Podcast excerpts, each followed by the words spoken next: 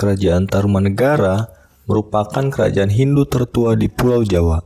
Tarumanegara berasal dari dua kata, yaitu Taruma diambil dari nama sungai yang membelah Jawa Barat, serta negara yang artinya kerajaan atau negara.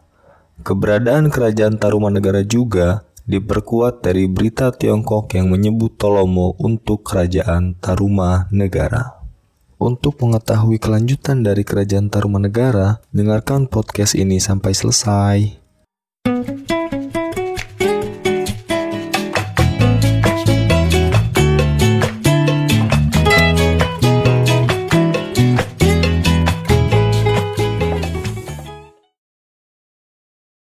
Berdasarkan naskah Wangsakerta, Tarumanegara didirikan oleh Raja di Raja Guru Jaya Singawarman pada tahun 358 Masehi.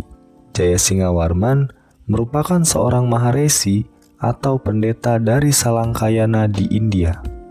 Dia mengungsi ke Nusantara karena kerajaan tempat asalnya ditaklukkan oleh kerajaan Magadha. Sesampainya di Nusantara, ia mengungsi ke daerah Pulau Jawa dan bertemu dengan Dewa Warman VIII, Raja Salaka Negara.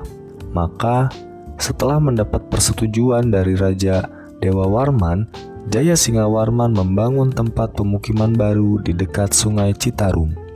Pemukiman tersebut disebut Taruma Desya, yang nantinya pemukiman tersebut berkembang dan jadilah suatu kerajaan besar. Keterangan tentang kerajaan Tarumanegara didapat dari beberapa sumber, baik sumber dalam negeri maupun sumber dari luar negeri. Dari dalam negeri, tentu saja terdapat tujuh buah prasasti yang tersebar di tiga wilayah provinsi, yaitu Provinsi Jawa Barat, Banten, serta DKI Jakarta.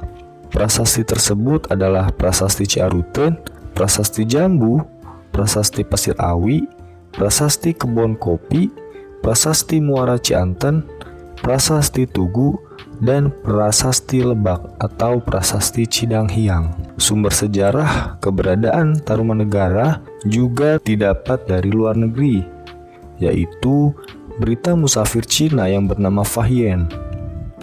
Musafir yang datang di Jawa pada tahun 414 Masehi ini membuat catatan tentang adanya kerajaan Tolomo atau Taruma. Sementara itu, dalam kronik dinasti Tang diungkapkan bahwa antara tahun 528 sampai 539 dan tahun 666 sampai 669 telah datang utusan dari kerajaan Tolomo ke Cina.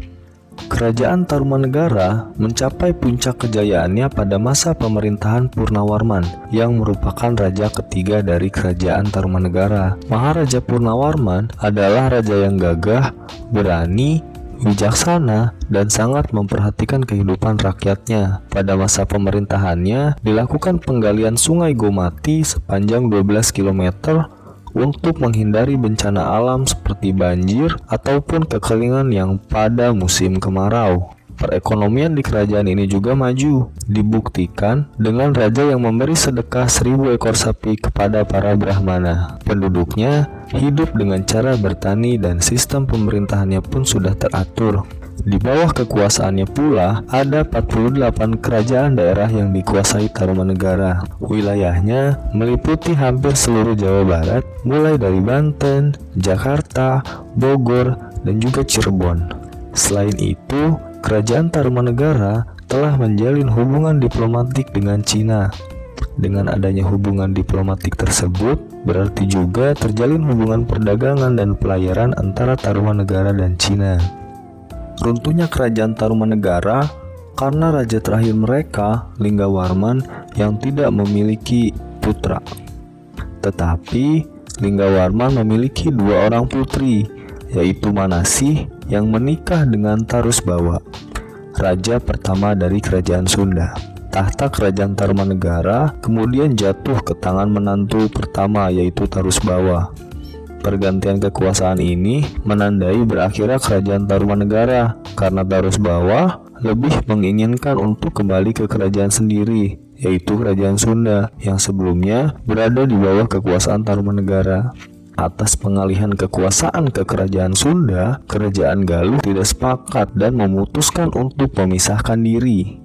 Dengan begitu, wilayah bekas Kerajaan Tarumanegara kemudian dibagi menjadi dua, yaitu Kerajaan Sunda dan Kerajaan Galuh, dengan Sungai Citarum sebagai pembatasnya.